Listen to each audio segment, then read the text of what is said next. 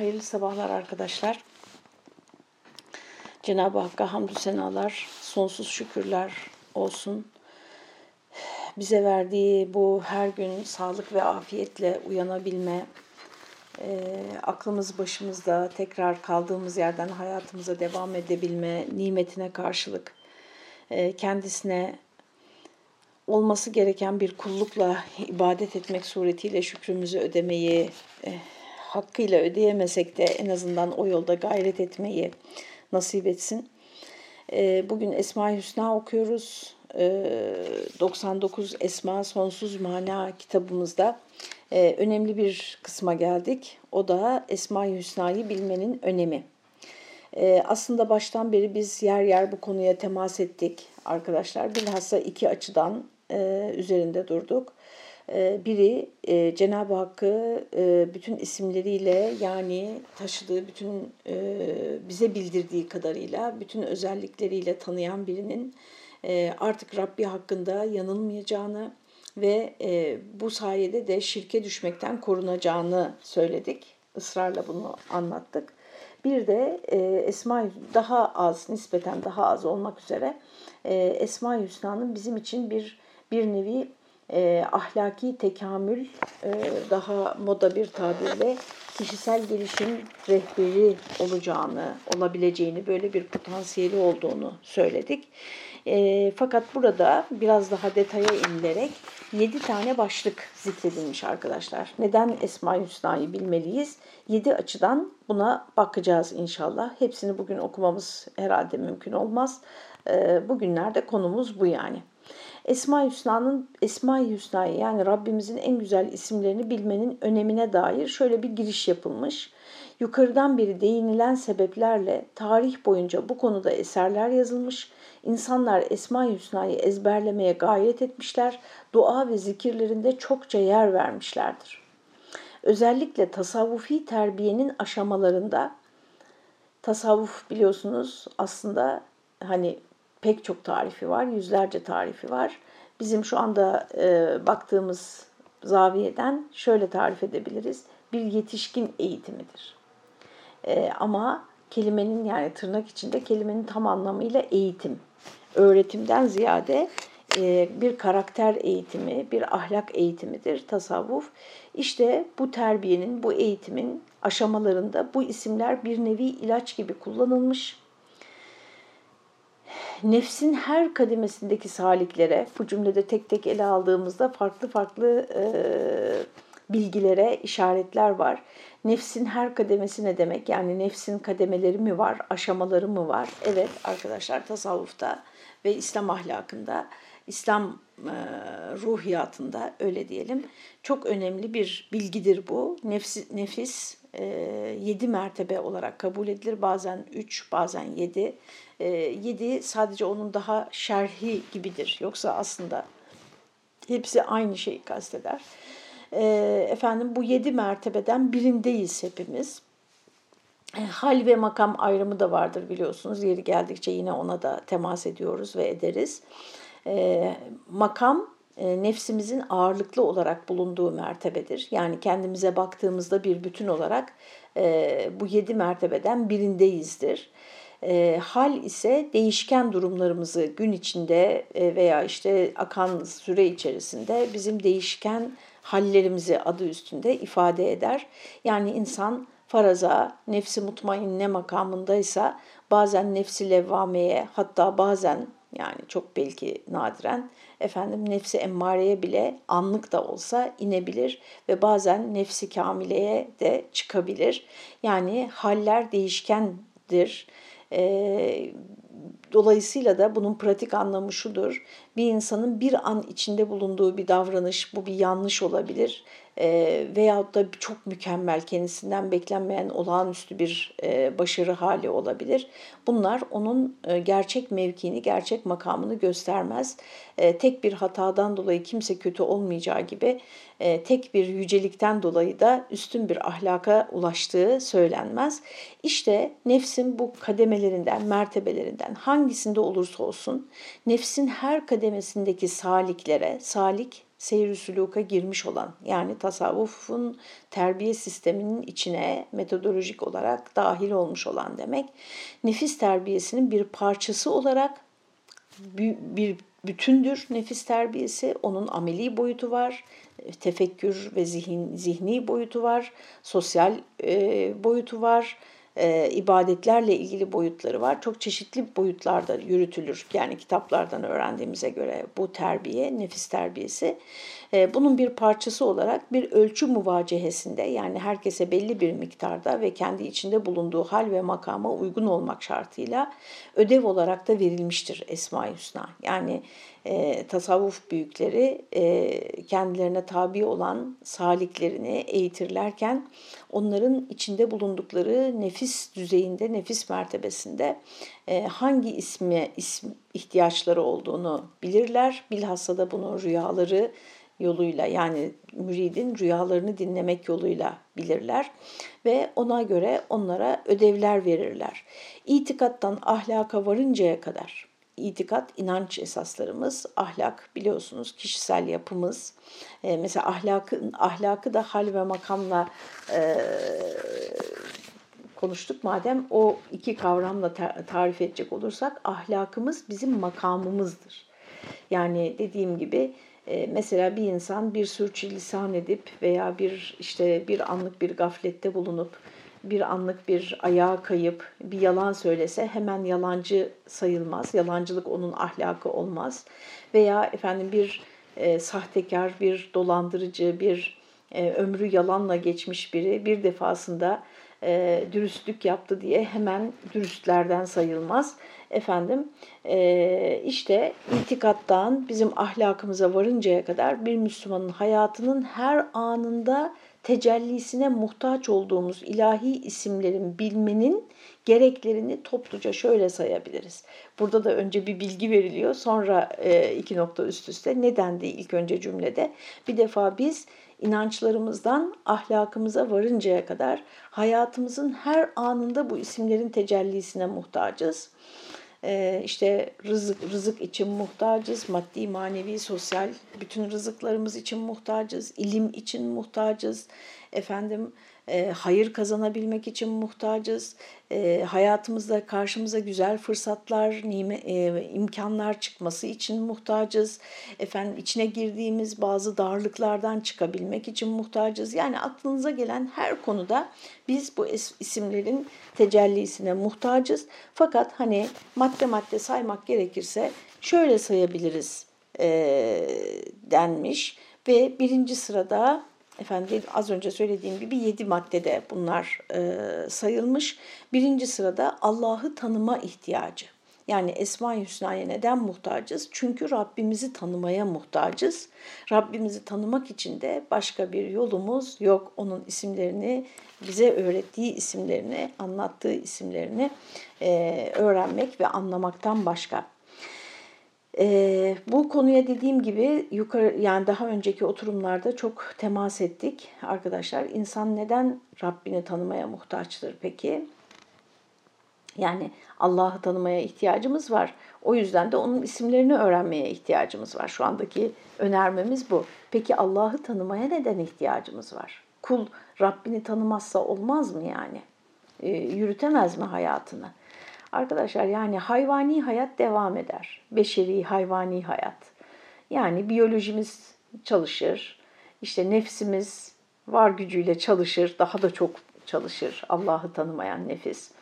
Efendim biz o isteklerin peşinde, havucun peşinde koşan bir tavşan gibi yani hayvani bir şekilde koşarız. E, aklımız var, evet aklımız bize biraz bir şeyler söyler, yaptıklarımızın e, doğru yanlış olduğunu çoğunlukla da iş işten geçtikten sonra söyler. Neden? Çünkü o yanlış artık bizim için bir alışkanlığa dönüşmüş olur. Efendim ya da ne bileyim e, aklımız bazen o daha da kötü bir durum tabii. Yaptıklarımızı bize haklı göstermek için gerekçeler de üretebilir. Yaşarız yani. Böyle yaşarız. İnsanlar yaşıyorlar netekim. Ee, bu hani nefes alabilmek için, biyolojik varlığımızın devam etmesi için Allah'ı tanımaya muhtacız demiyoruz arkadaşlar. e, anlam verebilmek için, yaşadıklarımıza anlam verebilmek için e, hakikaten künhüyle üzerinde düşündüğümüzde aklımızı oynatmamak için, hayata tahammül edebilmek için, olan bitene tahammül edebilmek için Allah'ı tanımaya muhtacız. Çünkü e, onu tanıdığımız zaman ancak ümidimizi koruyabiliriz. Bugün insanlar e, bu ümidin korunması yani insanın e, hayatına son vermekten veyahut da e, bu hayata son vermek illa her zaman işte intihar dediğimiz biyolojik şekilde olmuyor. Yani bütün heveslerinden, bütün ümitlerinden vazgeçip işte sadece şarteli indirip işte akşam olsa da yatsam, sabah olsa da kalksam şeklinde yaşamak da hayata son vermektir aslında. E, bu şekilde yaşamaktan kendilerini koruyabilmesi için insanların psikoloji var gücüyle çalışıyor. İşte e, New Age Movements dediğimiz e, yeni dinler, insanların ürettiği yeni dinler var gücüyle çalışıyor. Bunlar psikolojiyle de böyle bir karşılıklı hizmet alışverişindeler. Efendim bunlar var gücüyle çalışıyor ve e, güya bize din dışı yani klasik dinlerin ele almadığı şekilde e, yeni formüller üretmeye çalışıyorlar. E, ismi ne kadar değişirse değişsin arkadaşlar bunların işte bir kimisi büyük bir güce inanıyor.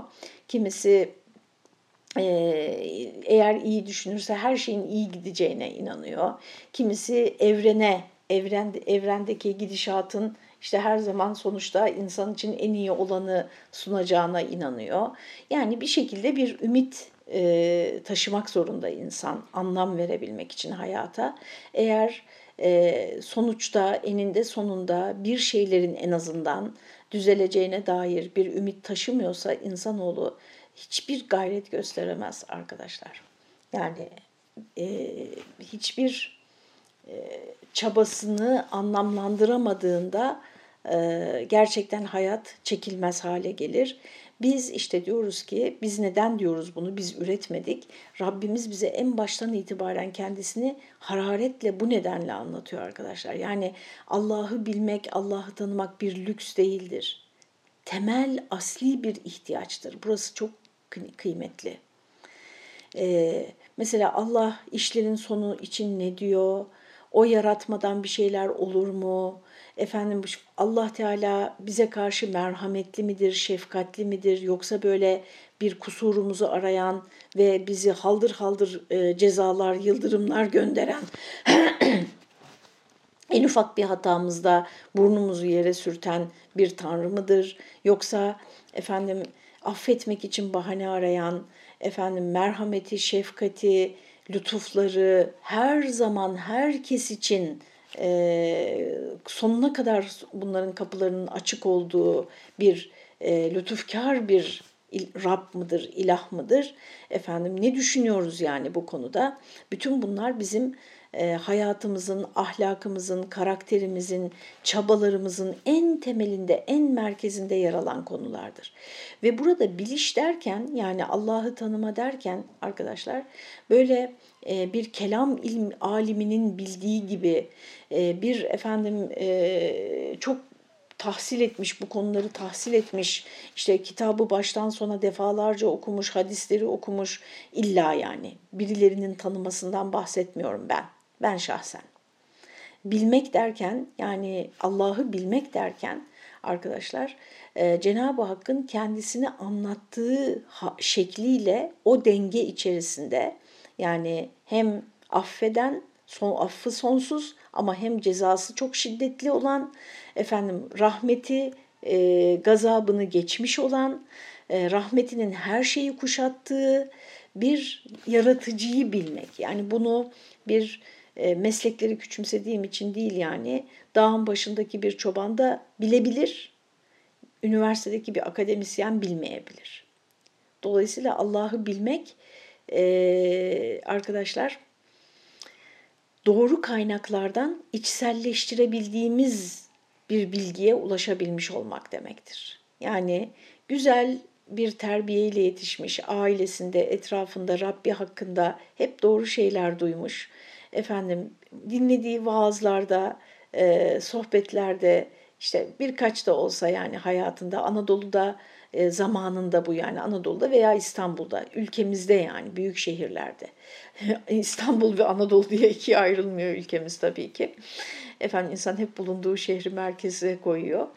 E, büyük şehirlerimizde, şehirlerimizde ve e, köylerimizde arkadaşlar günlük hayatın içerisine böyle damla damla damla zerk edilmişti bu eğitim.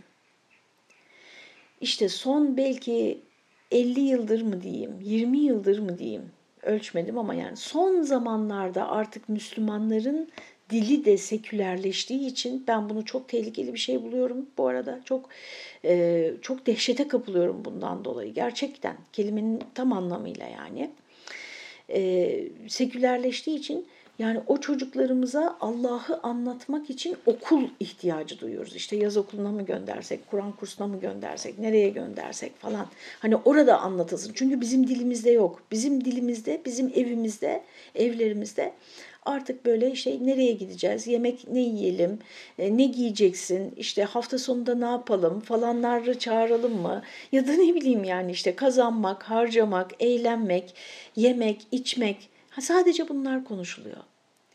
Ee, çok yerinde bir ifadeyle ben onları ölçecek e, düzeyde değilim ama bir hocamızın, akademisyen bir hocamızın şimdi ismi aklıma gelmedi, örtük sekülerleşme dediği yani görünürde Müslüman, görünürde işte namazını kılıyor, tesettürlü, eve bakıyorsunuz işte bir Müslüman evi falan ama dile bakıldığında arkadaşlar yani bazen öyle oluyor ki bakıyorum ben Müslüman bir insan, biliyorum Müslüman olduğunu, oturuyoruz, konuşuyoruz iki saat boyunca.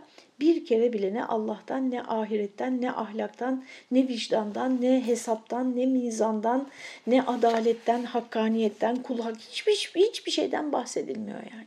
Hep işler, güçler, dünyalık işler, alma, verme, hep bunlardan bahsediliyor. İşte böyle olunca e, o nasıl diyeyim sahih Allah bilgisi e, böyle çeliğe su verir gibi son derece e, dengeli, azar azar, yerli yerinde her yaştaki zihne nakşedilmemiş oluyor yani. Böyle bir aksesuar gibi kalıyor Allah bilgisi. Yani takılıp çıkarılan camiye girerken takılan, mezara kabristana giderken takılan, sonra işe gidince çıkarılan bir aksesuar gibi kalıyor Allah korusun. Yani tekrar altını çiziyorum. Ee, Allah Allah'ı hakkıyla bilmek, Allah'ı doğruca Cenab-ı Hak Rabbül Alemin'e Allah ifadesi de burada biraz saygısızlık oluyor. Ee, Cenab-ı Rabbül Alemin'i olduğu gibi ve bize gerektiği kadarıyla künhüyle bilmemiz mümkün değil. Bize gerektiği kadarıyla bilmek arkadaşlar ilim tahsiliyle falan alakalı değil. O böyle e, o işte e, terbiyenin e, günlük hayatın her anına işlediği bir lisan ve nesilden nesile aktarılan, öğretilen bir durum diye düşünüyorum. Ama tabii ilim bunun e, fevkalade sağlamlaşmasını sağlar. Yani çok sağlamlaşır, e, aynı zamanda işte kelami, itikadi bilgilerle, Kur'an ve sünnet bilgisiyle bunu pekiştirdiğiniz zaman herkese nasip olmuyor. Bunu pekiştirdiğiniz zaman artık o bütün size öğretilen anadan, babadan, dededen, atadan, komşudan, ustadan gelen o terbiye zeminini bulmuş oluyor, sağlamlaşmış oluyor, iskelet e, muhkem hale geliyor. E, yani ilim gereksiz değil tam tersine fakat ilim bu konuda yani tırnak içindeki ilim herkesin her Müslümana nasip olmayacağı için o eğitim eğer dediğim gibi nesilden nesile aktarılan terbiyenin bir parçasıysa yine de o o ihtiyacı olduğu kadar Rabbini tanımaktan mahrum kalmamış oluyor. Onun altını çizmek istedim. Şimdi dönelim, dönelim metnimize. Burada kısa bir açıklama yapılmış. Diyor ki Esma-i Hüsna konusu Allah ile alem ve Allah ile insan münasebetlerine ışık tutması açısından. Sonuç olarak da Allah Teala'yı insanlara belirli ve sınırlı ölçüde de olsa çünkü niye künhüyle kavramamız mümkün değil? Çünkü bu terazu bu sikleti çekmez. Yani insan aklının sınırları içine sığmaz Allah Teala'nın hakikati. Ee, sınırlı ölçüde de olsa tanıtması bakımından büyük önem taşımaktadır Esma-i Hüsna. Tekrar okuyalım şimdi cümleyi. Esma-i Hüsna konusu Allah ile alem ve Allah ile insan münasebetlerine ışık tutması. Sonuç olarak da Allah Teala'yı insanlara belirli ve sınırlı ölçüde de olsa tanıtması bakımından büyük önem taşımaktadır. Bu sıfatlar insanların zihninde hangi sıfatlar? Esma-i Hüsna'da öğrenecek olduğumuz Allah'ın sıfatları, Rabbimizin sıfatları insanların zihninde etkin bir Allah inancı oluştururlar. Doğru bir Allah tasavvuru tırnak içine koymuşuz bunu. Doğru bir Allah tasavvuruna sahip olmadan sahih bir iman, kulluk ve teslimiyet gerçekleşemez. Allah tasavvuru derken kastettiğimiz şey nedir? Her birimizin zihnindeki Allah. Yani bir Rabbimizin gerçekliği var, hakikati var. Bir de bizim onu nasıl algıladığımız meselesi var.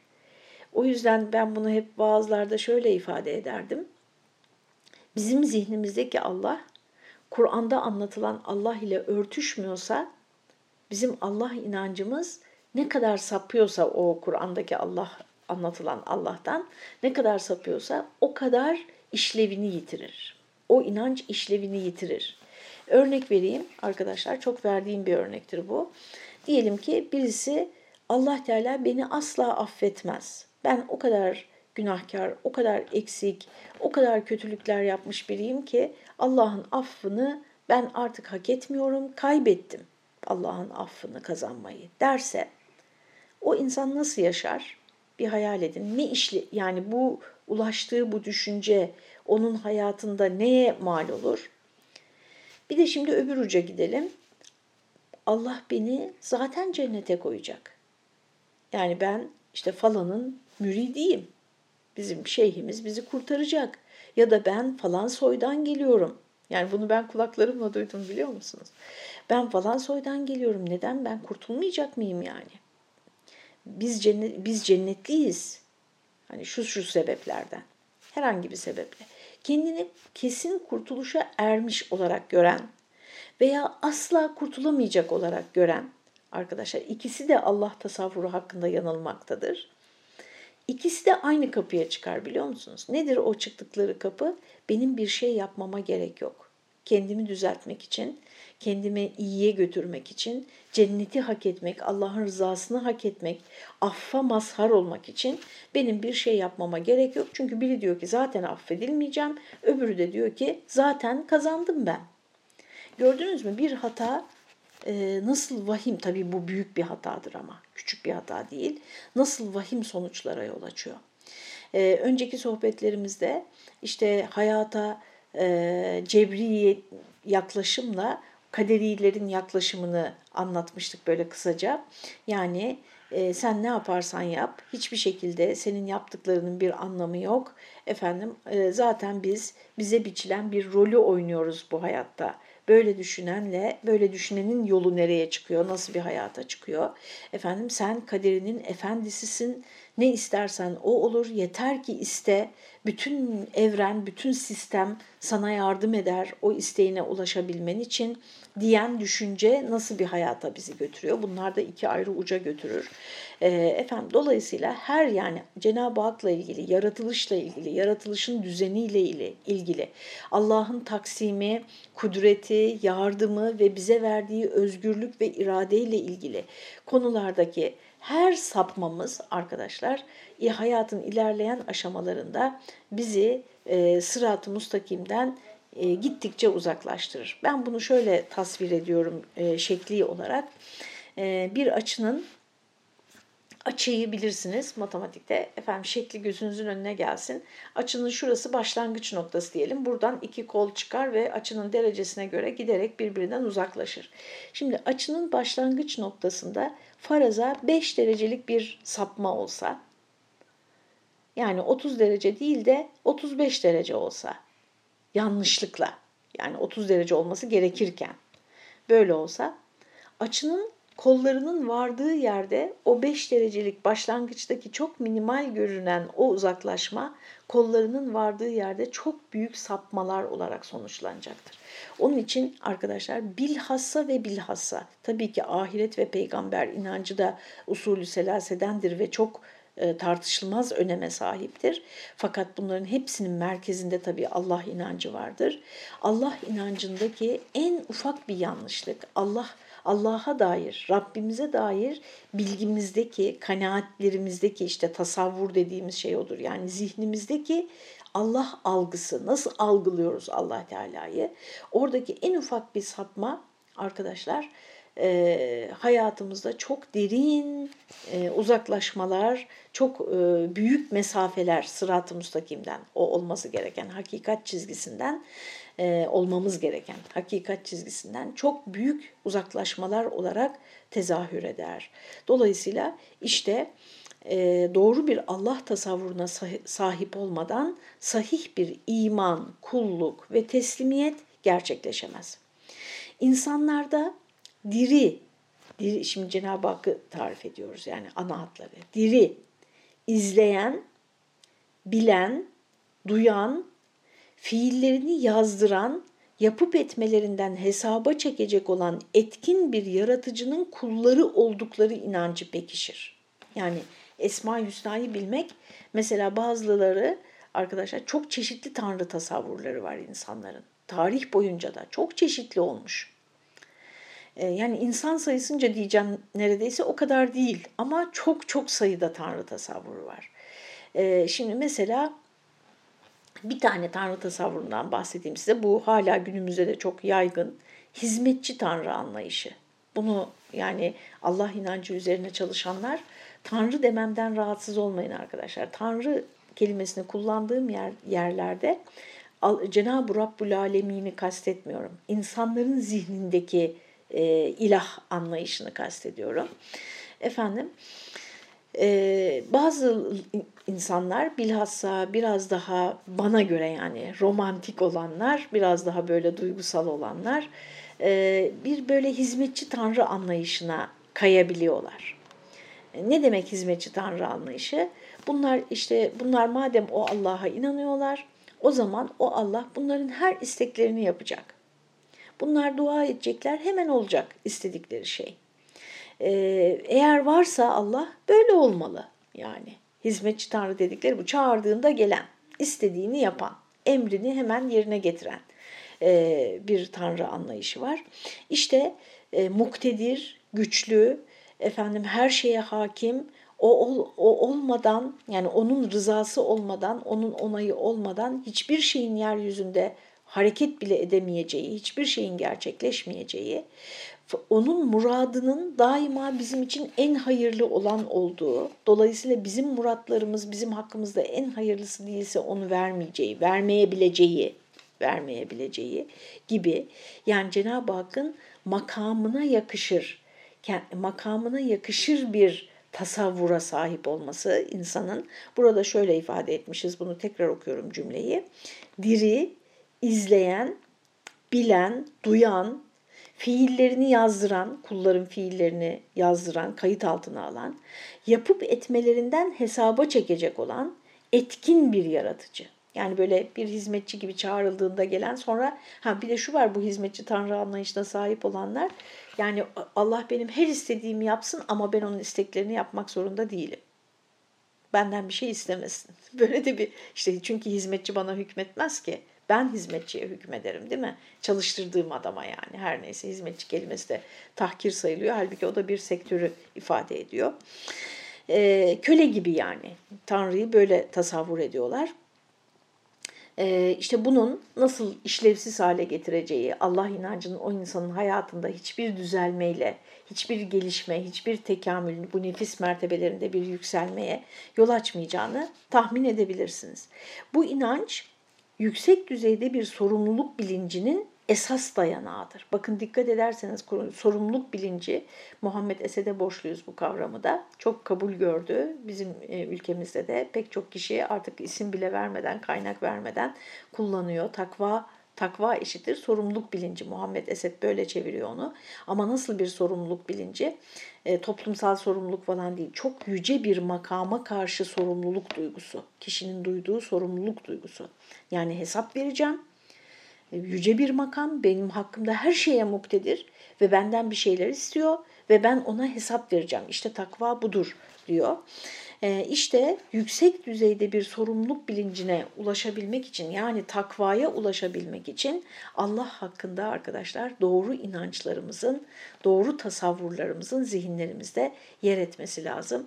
Cenab-ı Hakk'ı e, kendisini tanıttığı makamdan, mevkiden ne kadar bizim farklıysa bizim zihnimizdeki Allah tasavvuru haşa e, o kadar hedefimizden uzağa düşeceğiz demektir dini anlamda. E, ikinci başlığımız onu inşallah haftaya bırakalım. Allah'ın adını anmak ve ona ibadet etmek için de Esma-i Hüsna'ya muhtacız. E, ibadetlerimizde, zikirlerimizde Esma-i Hüsna'yı bilmenin nasıl bir e, işlevi olduğunu inşallah haftaya konuşuruz. Allah'a emanet olun. Hepinize hayırlı sabahlar. E, efendim e, Allah Teala'ya olması gerektiği gibi e, dost doğru bir şekilde iman eden, onu olduğu gibi tanıyan, kendisi kafasında e, işine gelecek şekilde eğip bükmeden, Allah Teala kendisini nasıl anlatıyorsa o haliyle olduğu gibi tanıyan, e, iman eden, kabul eden, tasdik eden bunu ve o çerçevede kendisi de böyle dost doğru hayatlar yaşayan insanlar olalım inşallah. Allah'a emanet olunuz.